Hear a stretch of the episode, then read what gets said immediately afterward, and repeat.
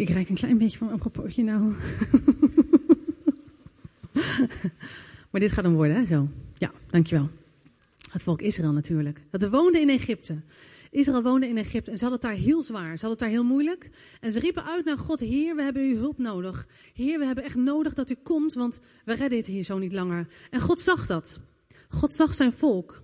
En dan kun je lezen in yes, Exodus 3. Daar staat: En de Heer zei: Ik heb gezien hoe ellendig mijn volk er in Egypte aan toe is. Ik heb een jammerklachten over hun onderdrukkers gehoord en ik weet hoe ze lijden. Daarom ben ik afgedaald om hun uit de macht van de Egyptenaren te bevrijden en om hun uit Egypte naar een mooi en uitgestrekt land te brengen. Een land dat overvloeit van melk en honing. En dat deed God. God leidde ze uit, maar eerst gaf hij instructies.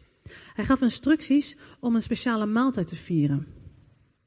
Hij zei, ik wil dat je een maaltijd gaat vieren waarbij je feest viert.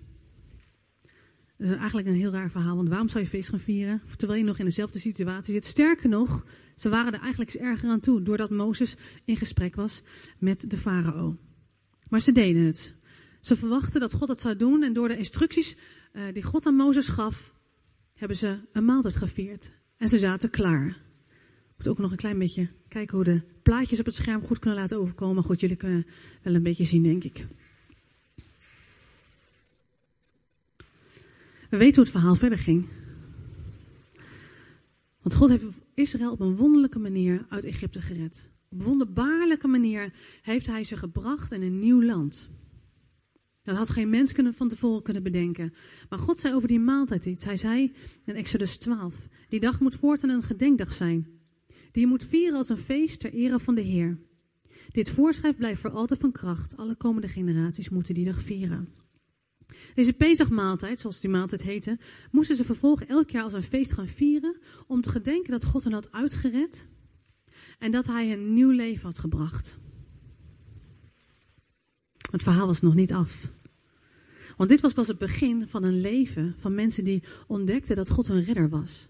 Het was het begin van een leven waarbij mensen ontdekten dat God aan hun kant stond. En jaren later zat er weer een groep mensen bij elkaar. Het waren discipelen in een bovenzaal. En ze waren aan het wachten, want dat had Jezus gezegd dat ze moesten doen in Jeruzalem. Kort daarvoor hadden ze ook met Jezus het Pesachmaaltijd gevierd, de Pesachmaaltijd gevierd. Ze hadden samen met hem ook dezelfde maaltijd gevierd. Maar Jezus had over dingen gesproken die ze nog helemaal niet snapten. Over dingen die gingen komen, iets met zijn bloed en een verbond. En dan kunnen we lezen in Lucas 12, ik lees het voor. Ze gingen op weg en dan alles gebeurde zoals hij had gezegd en ze bereidden het Pesachmaal voor. Toen het zover was, ging hij samen met de apostelen aanliggen voor de maaltijd. En hij zei tegen hen, ik heb er hevig naar verlangd dit Pesachmaal met jullie te eten voor de tijd van mijn lijden aanbreekt. Want ik zeg jullie, ik zal geen Pesachmaal meer eten voordat het zijn vervulling heeft gevonden in het koninkrijk van God. En nam een beker, sprak het dankgebed uit en zei, neem deze beker en geef hem aan elkaar door. Want ik zeg jullie, Vanaf nu zal ik het niet meer drinken van de vrucht van de wijnstok, tot het koninkrijk van God gekomen is. Hij nam een brood, sprak het dankgebed uit, brak het brood en deelde het uit en zei: Dit is mijn lichaam, dat voor jullie gegeven wordt. Doe dit telkens opnieuw om mij te gedenken. Zo nam hij ook na de maaltijd de beker en zei: Deze beker, die voor jullie wordt uitgegoten, is het nieuwe verbond dat door mijn bloed gesloten wordt. Maar het liep totaal anders. Een paar dagen later werd Jezus gekruisigd. En toen de mensen er amper van bekomen waren, stond hij op uit de dood. En vervolgens ging hij weer weg naar zijn vader in de hemel. Het moet echt serieus een achtbaan zijn geweest voor deze mensen. Dat ze echt dachten van, heer, wat nu dan weer? Maar Jezus had gezegd, blijf bij elkaar in Jeruzalem en wacht. Want ik laat jullie niet alleen achter. En ze geloofden Jezus. Ze besloten om Jezus te vertrouwen en te doen wat hij zei. Dus ze wachten af en bleven bij elkaar in Jeruzalem. En toen, terwijl ze daar in afwachting waren, in verwachting wat er ging komen, in die bovenzaal kwam er een hevige wind. En de Heilige Geest vulde die ruimte. Dat was het begin van een nieuw leven. Waarbij mensen God ontdekten niet alleen naast hen als mens, maar ook in hen. Het was het begin van een leven waarbij mensen ontdekten dat God niet alleen met je is, maar ook in je is. En het was het begin van een nieuw leven waarbij God uh, liet merken dat hij niet alleen een redder was, maar dat hij een heel nieuw begin gaf. Hij redde niet alleen uit, maar hij gaf een nieuw leven. Het was het begin dat mensen ontdekten dat ze niet alleen waren gemaakt hier op aarde om naar de hemel te gaan, maar dat ze op aarde waren en terwijl ze eigenlijk al in het troon zijn van God zijn. Wij zijn op dit moment, staat in de Bijbel, al in het troonstel van de Allerhoogste. En dat was mogelijk doordat de Heilige Geest kwam.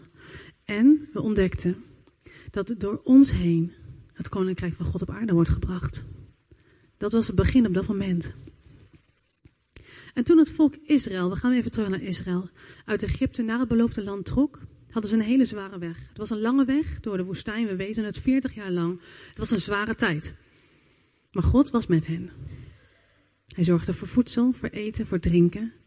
Zelfs hun kleren sleten niet. En God beschermde hen boven, boven natuurlijke manier. Kun je lezen in Exodus. De Heere ging voor hen uit overdag in een wolkolom om hen de weg te wijzen. En s'nachts in een vuurkolom om hen licht te geven, zodat zij dag en nacht verder konden trekken. Hij nam de wolkolom overdag en de vuurkolom in de nacht niet weg voor de aanblik van het volk. Moet je je voorstellen dat er nu gewoon een wolkolom of een vuurkolom naast je aanwezig is. Dat is, dat is echt bizar, toch? Plotseling klonk er uit de hemel een geluid als een hevige windvlaag, dat het huis waar ze zich bevonden geheel vulde. Er verscheen aan hen een soort vlammen die zich als vuurtongen verspreidden en zich op een ieder van hen neerzetten. En alle werden vervuld van de Heilige Geest en begonnen op luide toon te spreken in vreemde talen, zoals hun door de Geest werd ingegeven. De Heilige Geest werd opnieuw zichtbaar op het moment dat de Heilige Geest bij de discipelen kwam, in de bovenzaal. Hij werd heel even zichtbaar door de tongen van vuur, maar daarna werd hij zichtbaar doordat de discipelen wonderen en tekeningen gingen doen. Doordat de discipelen woorden van kennis hadden, woorden van liefde en wijsheid en waarheid en daden van liefde. Zo werd God zichtbaar aan de mensen en dat geldt nu nog steeds. God is niet ergens hoog in de hemel. Misschien dat hij je hoort. Of misschien voor de mensen van vroeger. Of ja, wel voor een ander, maar niet echt voor mij. Dat is niet God. De Heilige Geest is gekomen en iedereen die in Hem gelooft. Wie gelooft hier in Jezus? Dus in wie woont de Heilige Geest? In ons. Aan wie geeft de Heilige Geest dan leiding voor je leven? Tot wie spreekt de Heilige Geest? En weet je, er staat zeven keer wie oren heeft, laat hij horen wat de geest tegen de gemeente zegt.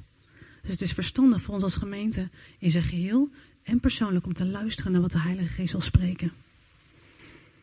Ik weet niet hoe iedereen die hier zit precies waar die staat in zijn leven. Van een aantal weet ik het wel, maar van niet iedereen. Maar ik heb heel sterk de indruk vanochtend dat God ons bij zich wil roepen. Dat God zegt, kom bij mij. Met je verlangens, Kom bij mij wat je bezighoudt. Weet je, we hebben allemaal tijden dat we ons zo voelen zoals het volk Israël was. Onderdrukt, vervolgd, hopeloos, uitzichtloos. Of zoals de discipelen, overdonderd, verward. Alles loopt anders, uitzichtloos. Zo kunnen we ons allemaal voelen bepaalde tijden van ons leven. Ik noemde bijvoorbeeld al het vertrek van Christian en Nathalie. Dat heeft voor best wel veel mensen iets gedaan. Misschien voel je daar ook wel zo door. Maar weet je, als je kiest naar, je, um, naar deze teleurstelling bijvoorbeeld te luisteren, of naar de omstandigheden te luisteren, dan ga je een beetje dicht van binnen. Dan verlies je het zicht op de hoop van God. Dan verlies je het zicht op wat Hij voor je leven heeft. God is een God van hoop. Hij richt dus een feestmaal aan niet alleen om terug te kijken, maar om vooruit te kijken. Want dat gebeurde dus zowel bij het bezigmaal met Israël als met de discipelen. Jezus keek niet alleen terug, hij keek vooruit. Weet je, wanneer wij aan tafel zitten bij elkaar thuis, dan spreken we over dingen van, joh, hoe was je dag? Uh, was het op je werk? Of heb je gedaan vandaag? We kijken terug en dat is goed.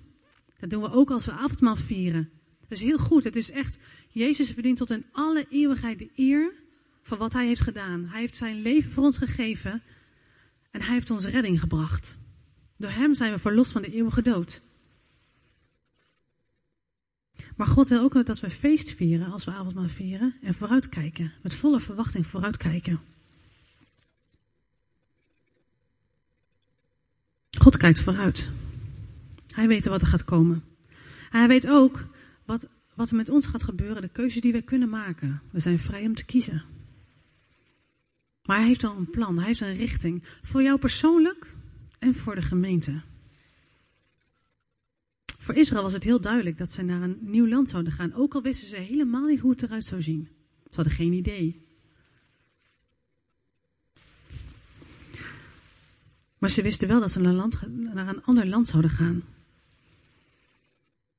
En daarvoor leidde God ze eerst uit de verdrukking, uit de slavernij. En maakte hij ze tot een eigen volk. Hij sloot een verbond met ze. Voor ons heeft God ook een plan. Hij heeft een weg voor ons, een toekomst voor ons. Ook al hier op aarde. En daarvoor heeft hij ons eerst gered en ons tot zijn kinderen gemaakt. Wij hebben de mogelijkheid om zijn kinderen te zijn. Voor sommigen is het de leiding ervaren in je leven of de richting ervaren in je leven al wat bekender dan voor anderen. Maar weet je, God is voor allebei de mensen dezelfde. Of je nou er bekend mee bent of niet. God is dezelfde. Hij is de God van hoop. De God die een verwachting heeft voor jouw leven. God heeft geloof voor jouw leven. Zometeen gaan we avondmaal vieren met elkaar. En zoals Jezus ook ons heeft gezegd, gaan we dat doen gedenkende aan Hem. We denken aan Hem wat Hij heeft gedaan. We geven Hem daarvoor de eer. Maar dit is ook een feestmaal. God gaf de instructies om een feestmaal ervan te maken aan de Israëlieten al. Een feestmaal, ook van wat nog komen gaat. Ook al kon Israël daar helemaal niks van zien. En ook de discipelen hadden geen idee wat er ging komen. Bij een feestmaal horen lachen. Er horen tranen. Hoort zingen, samen zijn, samen delen. En als wij gedenken wat Jezus voor ons heeft gedaan, dan staan we daarbij stil. Maar ook als we uitkijken naar wat er nog gaat komen, weet je, dan kan het best zijn dat je terugdenkt van oeh, dat was moeilijk. Daar was een stuk teleurstelling, dat er een traan bij hoort. Of een blijdschap. Heer, u hebt de hoop, u hebt de verwachting voor mij, u hebt hoop voor mij. U gelooft in mij. Dat je blij bent. We gaan, als we avondmaal zo meteen gaan vieren, gaan we samen zingen, hem eren om wie hij is. En we gaan vooruitkijken met volle verwachting naar Heer, wat heeft u voor ons, voor mijn leven en voor onze gemeente. Het is heel goed om je hiervan bewust te zijn. Je kan gewoon leven. Je staat op en je gaat weer naar bed. En je staat op en je gaat weer naar bed. Maar God heeft een plan. Hij had een plan voor Israël. Hij had een plan voor de discipelen. En nog steeds heeft hij voor ons een plan. Hier, gewoon hier op deze aarde. Natuurlijk om uiteindelijk bij hem te wonen. Maar God had een plan hier op aarde met de discipelen. Maar dat heeft hij ook met ons en ook met jou. Maar wat zijn je verwachtingen? Wat zijn je verlangens? Misschien heb je wel een verwachting voor jou persoonlijk. Misschien heeft God al gesproken, profetisch woord of een ja, bijbeltekst. Iets waarvan je weet van ja, God gaat me ergens brengen. Misschien heb je dat ook wel voor de gemeente. Ik weet zeker voor de gemeente, God heeft dit. Maar het kan ook zijn dat je hoop is gedaald tot de omstandigheden die je nu ziet. En waar je nu staat. Denk nou, als dit het is. Misschien had ik het wel mis. Misschien moet ik wel ergens anders heen. Misschien is dit het toch niet. Misschien is er wat teleurstelling in je hart gekomen. Misschien teleurstelling naar God, dat kan. Teleurstelling in mensen. Het kan zelfs zijn dat er aanstoot in je hart is gekomen. Maar God wil dat we daarmee naar Hem toe gaan. Ik heb sterk, heel sterk de indruk dat God zegt: Kom bij mij vanochtend. Kom bij mij met je verwachtingen, met je hoop, met je wanhoop, met de dingen die je niet weet. Dat je het gewoon niet weet. Kom bij mij. Misschien ook wel met je teleurstelling of je zelfs misschien de aanstoot in je hart is gekomen. En daar hebben we allemaal op tijd last van. Als we met elkaar gaan avondmaal vieren, betekent dat God dezelfde is. God is de God van hoop. Hij heeft hoop voor ons. Hij heeft geloof in ons leven.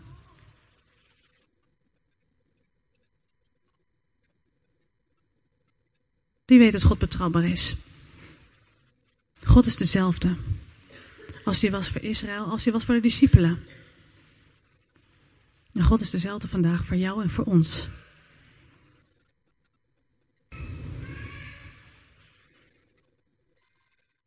Er zijn beloften in de Bijbel die, die God heeft gemaakt, die hoe dan ook uit gaan komen. Hij gaat zeker weer terugkomen. Of je nou gelooft of niet, hij komt sowieso terug. Heeft ook een plek voor ons bereid, of je dat nou gelooft of niet, dat heeft hij. Maar er zijn ook beloften die uit kunnen komen als jij met hem meegewandeld. Weet je, op het moment dat Colino mij ten huwelijk vroeg en ik zei ja tegen hem, gingen we met hem mee, gingen we naar ons huis, gingen we, waren we getrouwd. Maar stel hè, dat ik nou ja had gezegd, maar ik was gewoon terug naar huis gegaan, was op een stoel blijven zitten. Wachten tot wat het getrouwde leven mij zou gaan brengen. Misschien was hij nog een paar keer langsgekomen van, joh, uh, zullen we trouwen? Dat zouden we toch doen? Ja, natuurlijk. En dan bleef ik zitten. Ja, dat is wel gek natuurlijk. Weet je, dan had ik nooit ontdekt wat ik nu wel weet, namelijk dat een leven met z'n tweeën zoveel mooier is dan alleen. En als het al voor twee mensen geldt, hoeveel dan meer zal dat zijn tussen God en jou? Er zijn beloften, er zijn dingen die God voor jou heeft, die kunnen gebeuren als jij jouw hand in zijn hand legt. Als je samen met hem wil gaan wandelen en zegt, ja heer, ik heb geen idee waar we naartoe gaan. Ik snap er ook helemaal niks van, maar ik vertrouw u maar. Weet je, die rollercoaster die de discipelen hadden nadat ze bij Paas en Pinksteren Jezus hadden verloren en terug hadden gekregen en weer weg weer hadden verloren voor een gevoel. Hoe zouden zij gezeten hebben in die bovenzaal? Ik denk niet dat ze heel relaxed zoals hier zaten. Ik denk dat ze best wel een beetje wanhopig waren geweest. Maar ze besloten om te geloven dat wat God had gezegd, dat dat zou gaan gebeuren. En God is een God van trouw. Hij doet wat hij zegt. Altijd. Altijd. Dat hadden zij al ondervonden, maar ze zagen helemaal niks. Hoe moet je denken, het volk Israël, die had die hele relatie met Jezus nog niet eens kunnen hebben. En toch besloot ze, oké, nou we gaan dat Pesachmaal maar vieren.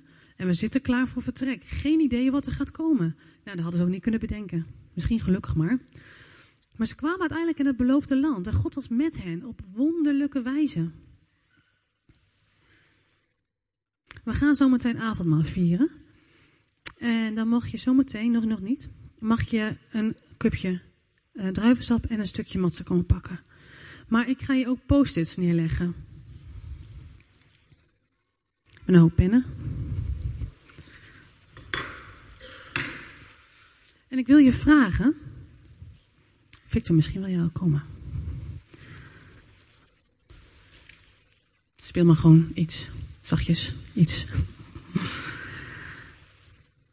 Wil je eens bij jezelf gaan nadenken, terwijl we zometeen gaan avondmaal vieren. We gedenken Jezus. We bedanken hem voor wat hij heeft gedaan. Voor eeuwig heeft hij leven gegeven. Maar wil je eens nadenken, wat zijn jouw verwachtingen? Voor jouzelf, voor de gemeente. Wat is misschien jouw teleurstelling? Of misschien is er een stukje wat je op moet ruimen. En wil je dat? Ook je verwachtingen, je hoop, je verlangens en al deze dingen, wil je die komen plakken op het kruis? Hoef je niet je naam erbij te zetten hoor, daar gaat me helemaal niet om.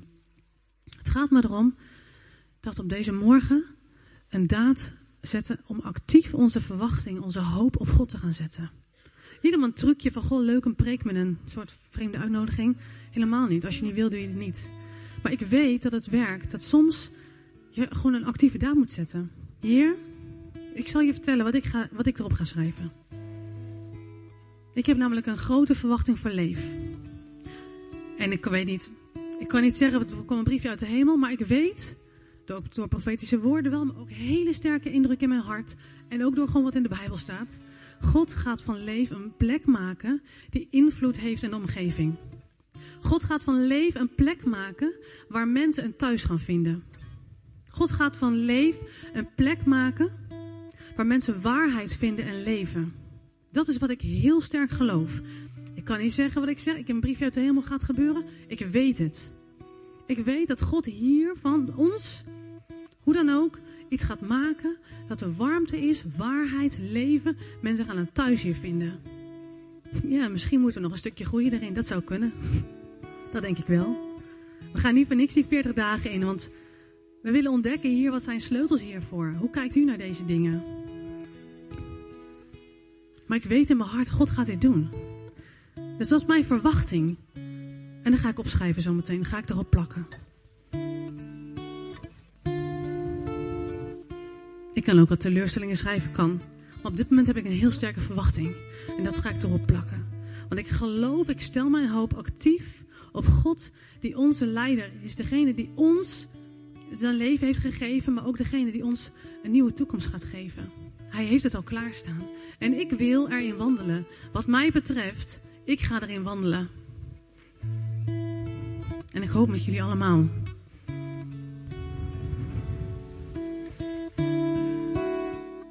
Kan je de preek van Colino nog herinneren, twee weken geleden? Ik weet niet of je er was. Maar wat ik net uitsprak, was een lijn met de koning. Amen. Het is Gods verlangen, kunnen we lezen in de Bijbel.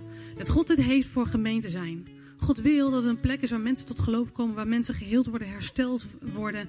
Dat is zijn hart. Dat kunnen we door de hele Bijbel heen lezen. Dan spreek je dus een lijn met de koning. Ik spreek dus wat nog niet overal zichtbaar is. Mijn woorden hebben kracht. Zou je profetisch kunnen noemen. Doordat ik spreek wat nog niet zichtbaar is, nog niet zichtbaar is, ga ik het koninkrijk op aarde brengen. Snap je wat ik bedoel? Het is nog niet zichtbaar alles. Wat ik net noemde over leven, het is nog niet helemaal uitgewerkt. Hebben we nog een beetje groeipuntjes? Gaan we doen met elkaar? Maar ik geloof het. Dus ik ga het, ik ga het spreken. En ik ga, het, ik ga het uitleven met wat ik kan. En daarmee ga ik brengen wat God op aarde wil hebben. Snap je wat ik bedoel? Het kan ook zijn dat je huwelijk niet goed is. Het kan zijn dat je een hele moeilijke tijd hebt met z'n tweeën. Misschien zijn er profetische woorden voor jou die zijn gesproken tot je. Misschien heb je gewoon in de Bijbel kunnen lezen, want daar staat het namelijk, dat God voor een huwelijk eenheid heeft bedoeld. Want zo is zijn hart. Misschien weet je het in je hart van binnen. Dit is niet wat u heeft voor ons, u heeft het anders voor ons. Spreek het uit. Schrijf het op. Heer, dit is mijn verwachting dat u mijn huwelijk gaat herstellen. Dank u wel dat u mijn huwelijk gaat herstellen. Want dat is wat in uw woord staat en daar stel ik mijn hoop op. Ik moest een tijdje terug met Dion naar een training en daar moesten we doelstellingen opschrijven. En je moest het beschrijven alsof je er al was. Nou zegt Dion, dat is ook raar. Ja, dat klopt. maar het, werkt wel. Weet je, het, het activeert je. Je denkt, hè, ja, eigenlijk ook inderdaad. Tuurlijk gaan we daar naartoe. Misschien is je relatie met je kind of met je ouder niet goed. Misschien zijn er dingen die je denkt, oeh, dit is niet hoe God het bedoelt. Opnieuw in zijn woord kun je lezen, God wil ouders en kinderen verbinden opnieuw. Dat is de tijd die hij, wat hij gaat doen, ook nu. Misschien heb je het ook op een andere manier heel sterk in je hart gekregen. Dat je schrijft het op, Heer, dank u wel dat u mij opnieuw gaat verbinden met mijn zoon of mijn dochter. Of met mijn vader of met mijn moeder of mijn broer of mijn zus, wie het ook is. Misschien zijn er vriendschappen gebroken. Waarvan je weet, dat is niet de bedoeling. Er was een vriendschap ik echt van Heer gekregen. Heer, dank u wel dat u deze vriendschap gaat herstellen. En dat is uw hart. En daar stel ik mijn hoop op. Weet je, we gaan niet opschrijven, nou hier, ik hoop dat u dat misschien wel wil doen. Of, nou heer, ik verwacht nu echt dat u gaat komen. Dat is niet hoe we staan. God is soeverein. Maar Gods hart is hetzelfde altijd.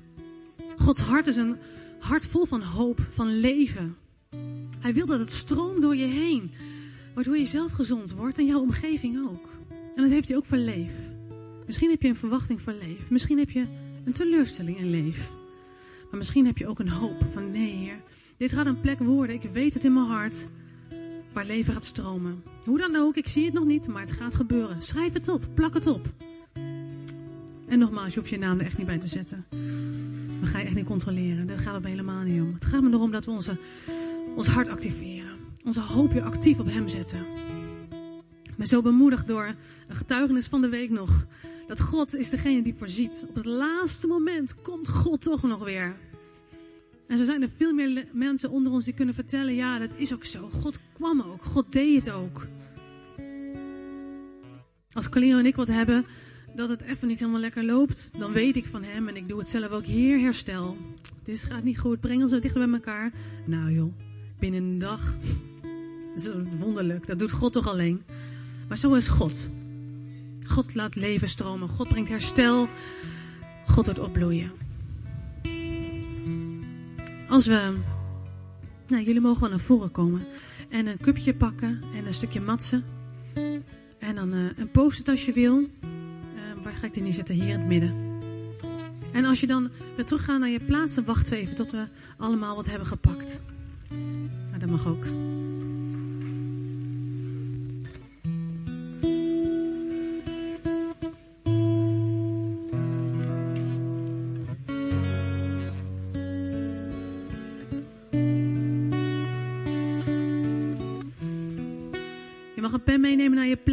Je op je plek kan schrijven. Hoeft niet meteen hier. Wordt zo vol. en als we dan zo meteen gaan zitten, dan gaan we eerst het avondmaal samen nemen. En daarna gaan we een tijd van aanbidding nemen. Waarbij we onze verwachtingen en hopen onze dingen kunnen uitspreken naar de Heer.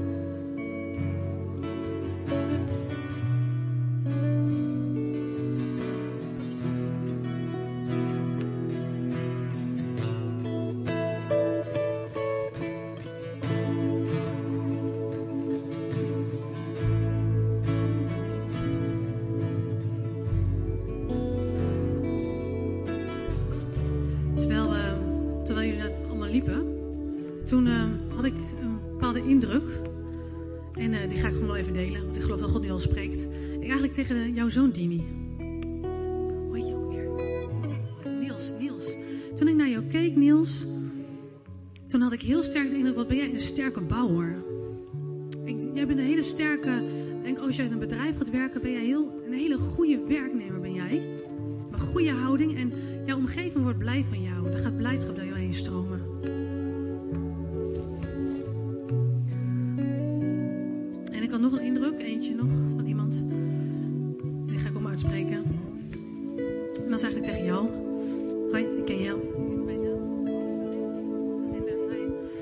Ik heel sterk de indruk dat God waarheid in je mond legt. Dat als je spreekt dat mensen vrij gaan worden.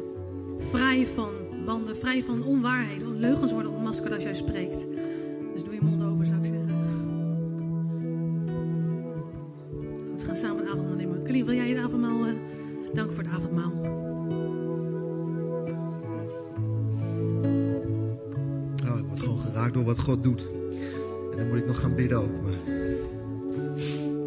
Jezus, ik ben u zo dankbaar, Heer. Dat u ons leven geeft. En u zo dankbaar, heren, dat u ons ziet. Dat u zo achter ons aanzat, terwijl u, wij u nog verwierpen. Dat u alles gaf. En dat, heren, wij op dit moment een plek hebben in u, heren. Waar we zoveel macht krijgen van u dat we mee mogen spreken, mee mogen regeren. O heren, dank u wel voor de invloed. En tegelijk, heren, we vinden het soms zo moeilijk om ermee om te gaan. Heer, we hebben soms nodig, Heer, dat u ons laat zien. En dat u geloof in ons opbouwt, zodat we het ook echt gaan doen. Zodat we gaan durven. O Heer Jezus, dank u wel. En daarom, Heer, willen we deel hebben aan uw lichaam. Willen, willen deel zijn van wie u bent. Alle leven wat in u is, Heer, willen wij ook. En dat is precies wat u bedoelt. En dat willen we onthouden elke keer als we dit vieren. Dank u, Jezus, voor uw lichaam. Dank u voor uw bloed dat elke band doorbreekt. Dank u wel, Vader, dat u ons losmaakt, losmaakt, Heer, van ons verleden. Dat u ons vrijzet van zonde, ons bekleedt met uw gerechtigheid.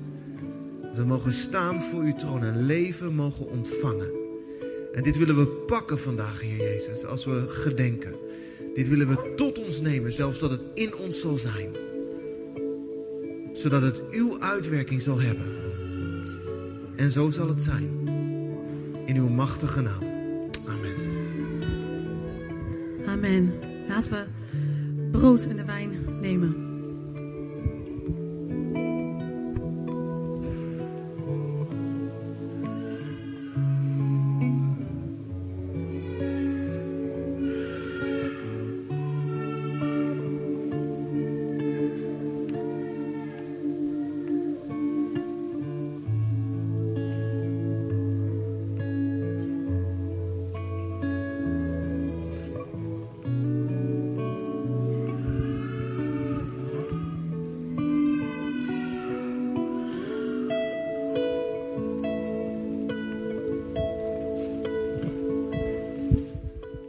Tijd van aanbidding nemen.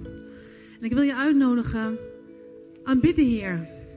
Met heel je hart. Gedenk wat hij heeft gedaan. En kom en vier feest. En spreek je verwachting uit naar hem. Je, stel je hoop, stel je geloof opnieuw misschien op hem. Het kan zijn dat je jezelf opnieuw toe, aan hem moet toewijden. Het kan zijn dat je opnieuw je leven aan hem voorlegt. Of opnieuw je hand in zijn hand legt. Misschien had je dat vanochtend al gedaan, dan kun je gewoon doorgaan. Geen punt. Kom maar. God wil spreken. Nu in ons midden. Hij wil jouw hart raken, ook als je geen verwachting hebt. Ik geloof dat God gaat openbaren een nieuw stukje voor jou. En voor ons als gemeente gezamenlijk. Dus laten we gaan aanbidden. Victor, wil jij ons meenemen?